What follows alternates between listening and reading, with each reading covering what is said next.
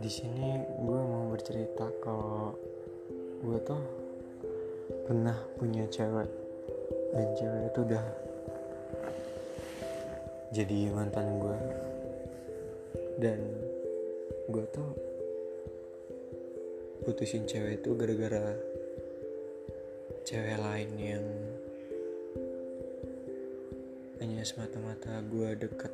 Cuman gara-gara dia tuh selalu ada gitu. jadi si mantan gue ini tuh beda kota sama gue